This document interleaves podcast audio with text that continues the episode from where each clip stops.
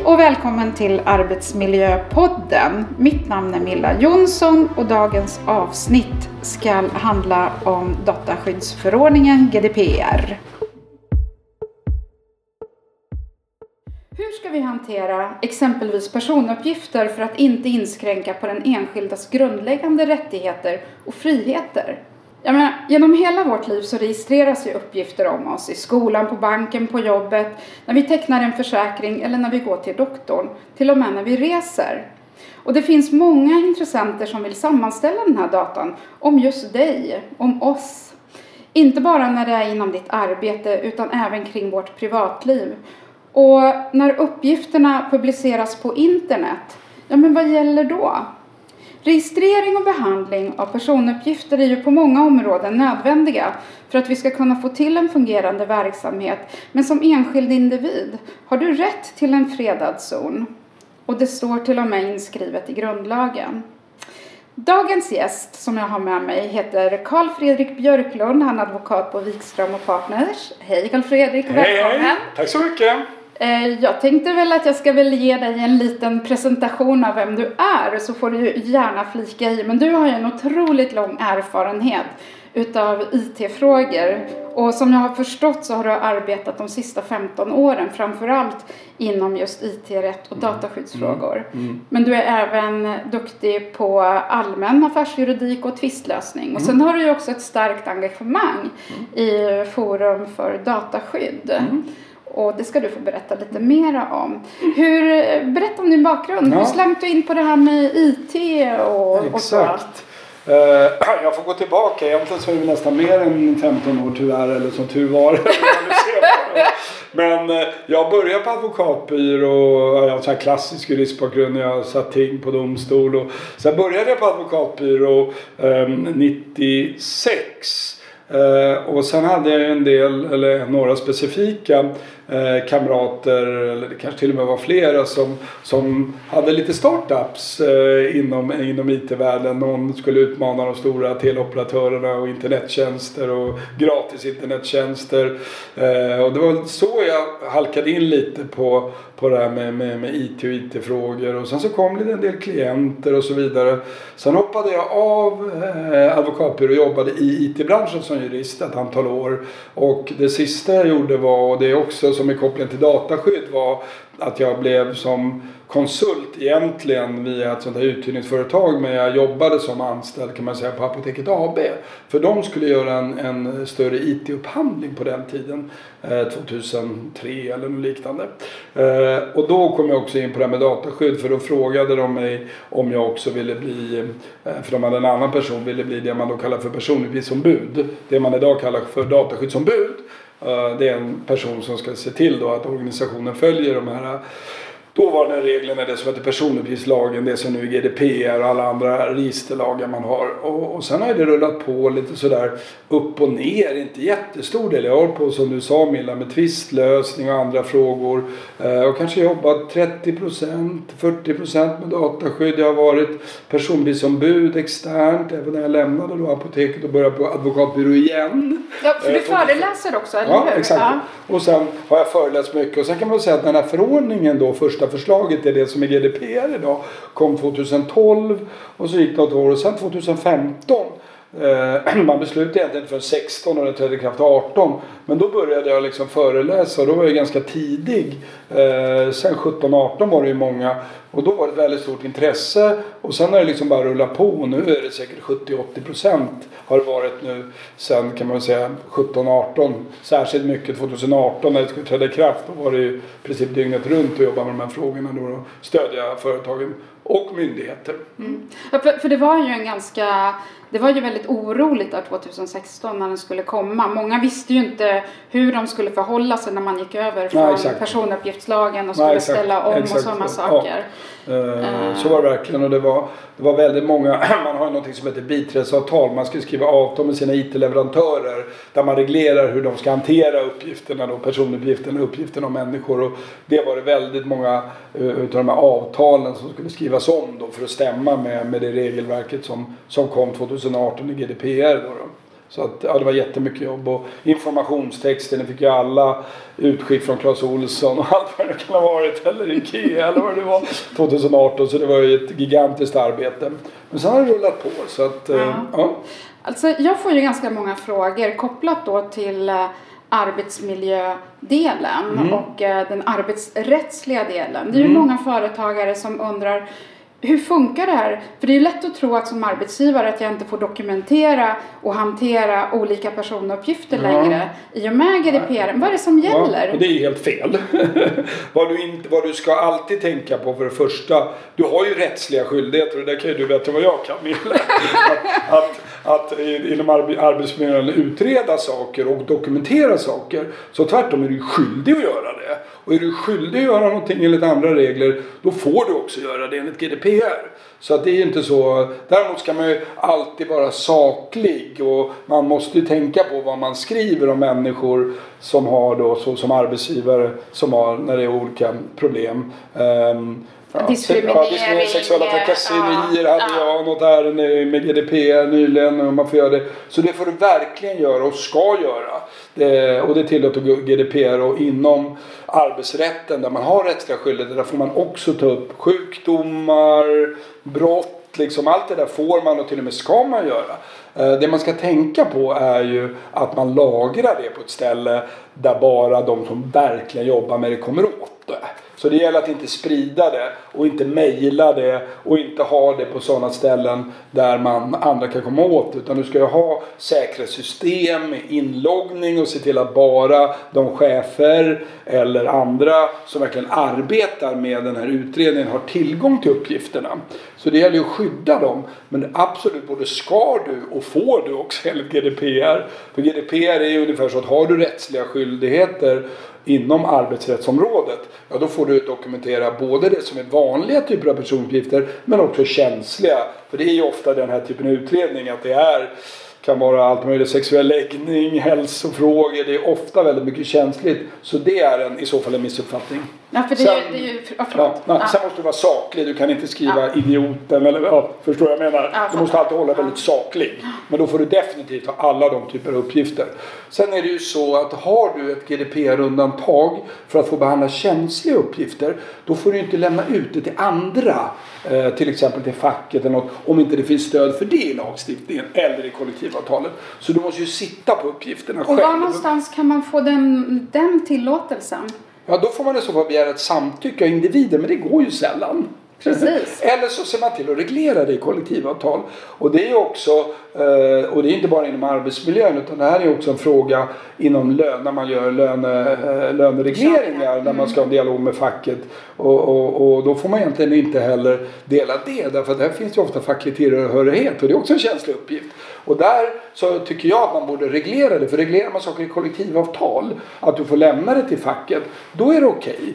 Så att där, men om du inte har reglerat det någonstans då måste du ha ett godkännande. Inte för att ha det, men för att lämna det till andra utanför myndigheten eller företaget som är arbetsgivare.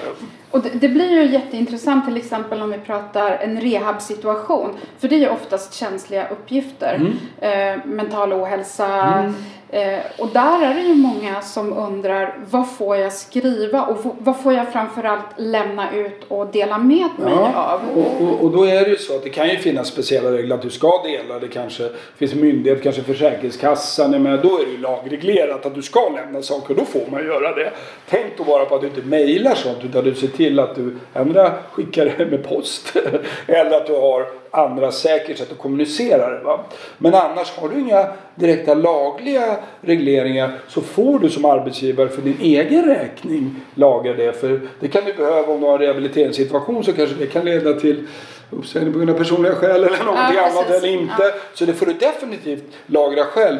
Problemet är att när du GDPR har grunden att du får behandla hälsa och annat för inom arbetsrätt för det är en speciell grund. Då har man den där regleringen i svenska kompletteringslagen att du ska inte lämna ut det till andra om inte det är särskilt reglerat att du ska göra det. Eller du får samtycke men det får du aldrig Nej. utav en anställd när det är en sån här typ av situation. Eller det är i alla fall svårt. Och dessutom samtycke av anställda i GDPR gillar man ju inte alls. Därför man är ofta i en beroendeställning som anställd. Så att, men att du får göra det för att du som arbetsgivare ska kunna uppfylla dina skyldigheter inom arbetsrätt, inom arbetsmiljö. Det får du göra. Ja. Man kan väl också säga att den här nödvändighetsprincipen gäller ju kopplat till preskriptionstider ja, inom arbetsrätten. Absolut, och, två år eller vad det kan vara. Ja, absolut. Och, och, det är den lagringstiden då på, på uppgifterna. Så GDPR kopplar ju bara egentligen till du får lagra så länge du har en annan skyldighet att göra det eller behöver det eller preskription eller något annat. Så det går ju bra. Så egentligen om man ska försöka sammanfatta så är det att arbetstag eller arbetsgivaren borde kunna ställa sig frågan varför behöver jag de här uppgifterna till Alltid, vad? alltid. Ja. Men när man gör den här typen, om man gör, och det kan ju du bättre än jag Milla, bara en, en, en, en, en arbetsmiljöutredning, diskrimineringsutredning då finns det ju sätt. Hur, vad är det man ska dokumentera? Vad behöver man dokumentera? Håller du dig till best practice där, då kommer inte GDPR tjafsa med dig. Nej. Men det känns ju skönt. Ja. För jag har ju fått lite frågor från några av våra lyssnare och jag tänkte att det, det finns ju alltid några frågor som är lite extra intressanta. Mm. Eh, ett, vad händer om jag har en medarbetare som surfar på arbetstid mm. eller gör andra saker på nätet på arbetstid? Får mm. jag som arbetsgivare gå in och undersöka? Mm. Och då har man ju sagt ungefär så här och det här är inget nytt egentligen med, med GDPR. Eh, för det första kan man säga att och det är ju mer en arbetsrättslig regel kanske att jobbar man på ett kontor, det är kanske skillnad om du jobbar som övervakare kärnkraftverk, så har man ju rätt att i rimlig utsträckning få göra privata saker på jobbet. I rimlig utsträckning om det inte påverkar ditt arbete. Sen kan ju olika företag ha olika typer av policy, att du ska inte surfa på osedliga sidor eller något annat. Eller du ska naturligtvis inte begå brott. Men för att man ska kunna få titta i i loggar eller tekniskt titta på vilka sidor man varit inne på eller då kräver det ju att man har en misstanke om att vederbörande har gjort någonting. Om än inte brottsligt så i vart fall överskridit de, eller eh, överträtt de interna regelverken som finns på, på arbetsplatsen. Så du ska inte, eh, och det är när det liksom är privata saker kan man väl säga, ja, eller saker man gör privat. Har det däremot med arbetets behöriga gånger vi kan tänka sig att man har en en, en, en, en e-post så där, och det är alltid svårt för då får man ju börja läsa e-posten och se, är det privat? Ja då ska du inte ta del utav det. Eh, men däremot får man ju om någon är sjuk eller borta ta del av någons e-post för att det kan komma eh, mejl som har med jobbet att göra. Okay. om någon är sjuk. Ja. Det får man däremot göra. Ja. Sen säger GDPR att du måste alltid informera. Så du måste informera i så fall. Har du den här typen att vi kommer om du är borta, titta på din e-post. Då ska ju medarbetarna veta, inte när du gör det. Men den ska ju få veta att om vi misstänker oegentligheter eller om vi misstänker någonting eller om vi behöver titta på din arbets-e-post då kommer vi göra det. Eh, så man är medveten om vad arbetsgivaren kan komma att göra. Sen behöver man inte berätta det när man börjar utreda det. Skulle, räcker det för en arbetsgivare att eh, om man då ska koka ner det till, säg en policy, mm. att det står i policyn eller i personalhandboken att vid sjukdom eller om arbetsgivaren misstänker mm, mm, någon form mm. av Det är ofta brott, i IT-policy och annat. Då har vi möjlighet Men, du, men det gäller också när det gäller policydokument att du kan inte bara ha, och det vet ju du säkert i andra sammanhang, att du inte bara kan ha en policy liggande. Du måste också se till att upprätthålla, ja, göra den känd och upprätthålla den och påminna om den. Uh, och det är väl samma här, uh, samma här också kan man väl säga. Ja. Möjligtvis är GDPR lite liberalare än, än arbetsrätten. Till exempel så inom det arbetsrättsliga regelverket där ska man ju se till att medarbetarna har förstått sina villkor och anställningsvillkor. GDPR säger bara att man ska bevisa att man har gett dem informationen. Du behöver inte bevisa att de har förstått. Sen ska du ha det, som man säger i GDPR, begripligt och enkelt. Men är det folk som inte vill ta del av informationen, då behöver man inte ha läxförhör i GDPR. Utan bevisa att de som vill ta del av dem vet vad det ligger på intranätet, de här texterna om hur vi behandlar personuppgifter. Och då räcker det. Då. Du behöver inte ha läxförhör att de har förstått. Så där är GDPR lite liberalare. Och det ska, för annars skulle vara omöjligt för har ju samma informationsskyldighet mot kunder också. Så man kan ju inte liksom ha en regel där man måste säkerställa varenda kund på en e-handelsplattform har läst. För ingen normal människa klickar ju på GDPR-texterna. Nej, nej, inte. De är lite för långa Ja, de är lite långa och lite jobbiga. Ja. Så, att, eh, så att det räcker att du visar att den som vill kan inte ha missat att klicka på den här länken. Och det är samma för anställda också. Okay. Eh, när det gäller GDPR-texten. Men det är klart när du ska göra någon arbetsrättslig åtgärd för att någon inte har förstått en policy. Ja, då kanske det är att du måste upprätthållit den och påmint lite. Då är det lite annat. Det lite annat ja. Jag tänkte, du sa någonting om kärnkraftverk. Vi säger nu, för det, det är också en sån här fråga som mm. jag har fått. Eh, framförallt kopplat till bolag som har, som har kameraövervakning. Mm. Eh, ska upprätthålla en hög säkerhetsnivå och sen så misstänker man att medarbetare exempelvis stämplar in på fel tider eller säger att de har varit där fast de egentligen inte har varit Mm. där.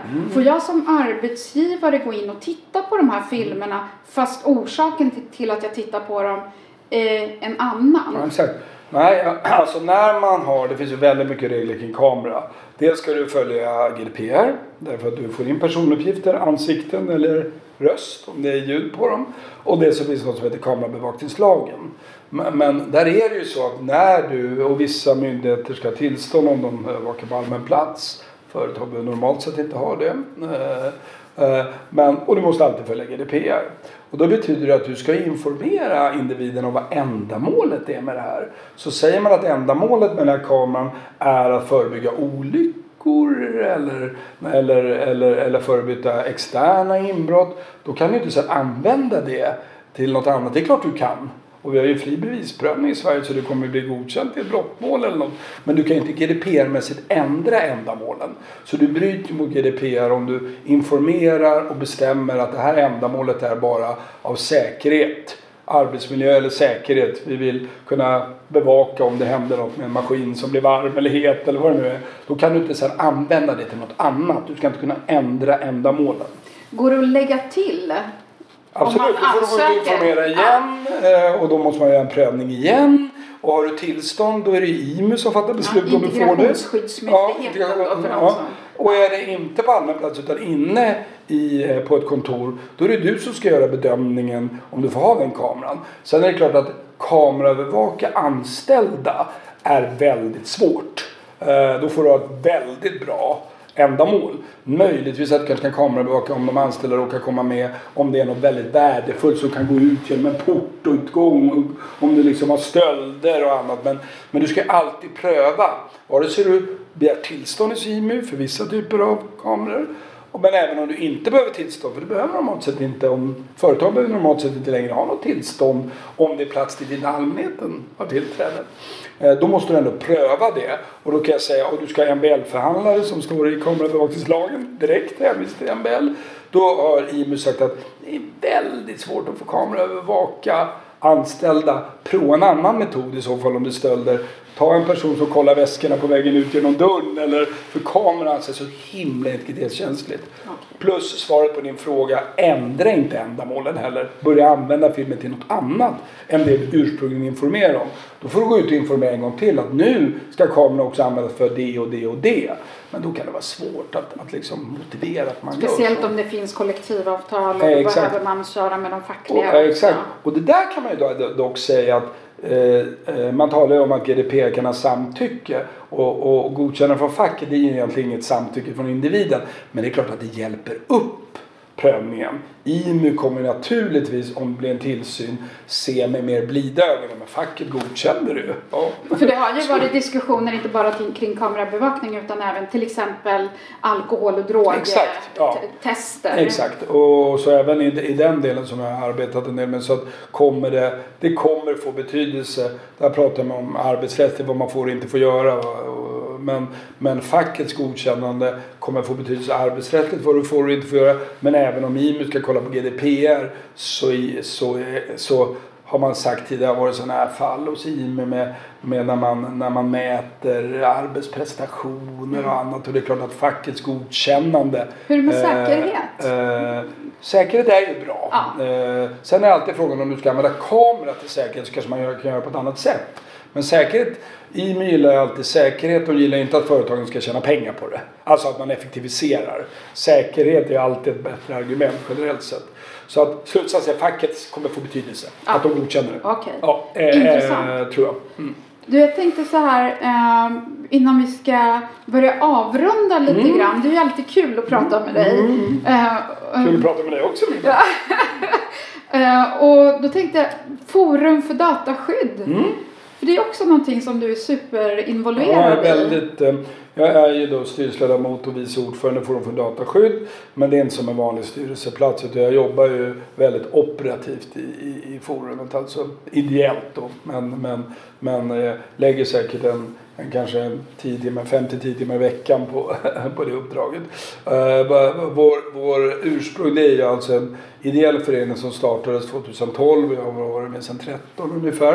Eh, vi har ungefär 800 medlemmar.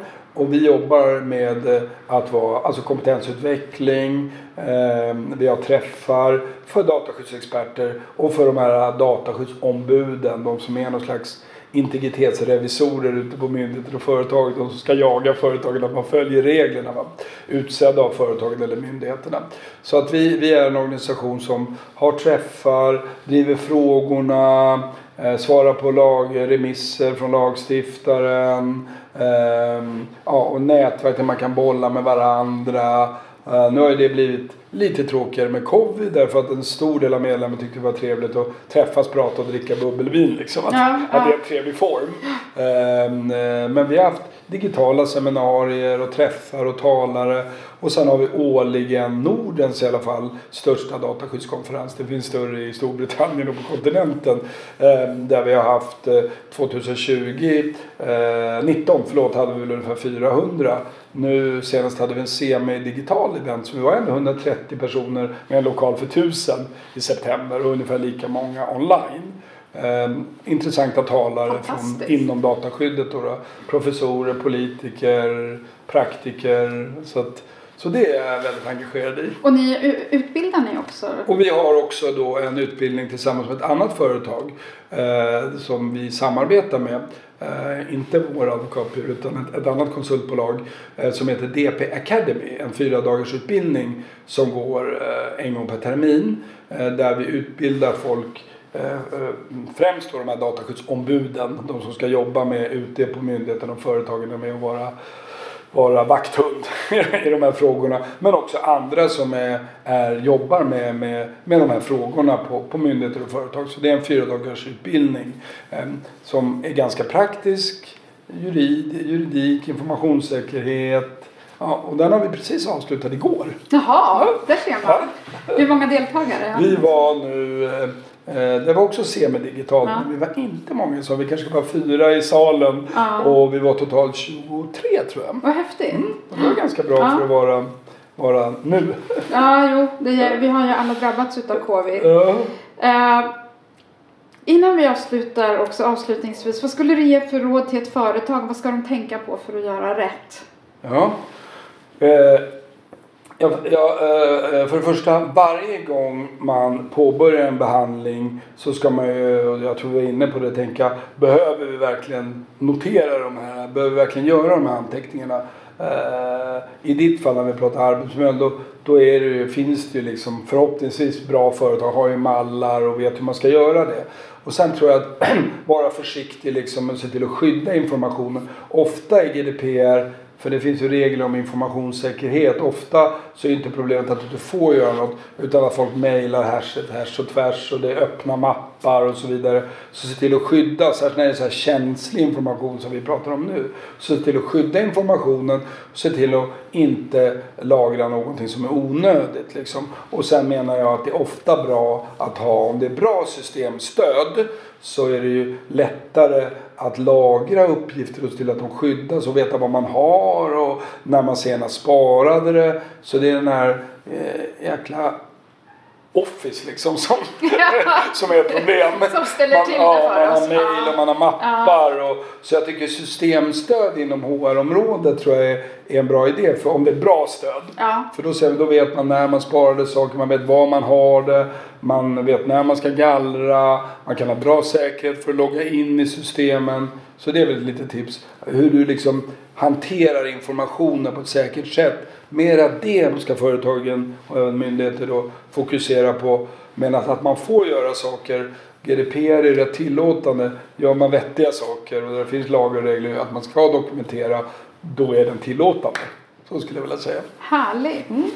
Stort tack Tack själv. Fredrik för att Tack du ville vara med ja. och för att du delar med dig av din ja. kunskap. Tack att jag fick vara med. Ja, men du ska nog kunna få vara med fler gånger. Ja, och sen så vill jag tacka alla er som har lyssnat. Och eh, så ser vi fram emot nästa podd som ska komma. Det är inte riktigt beslutat om vem det som eh, ska vara med då. Nej. Så stort tack och Tack hej då! Tack Milla.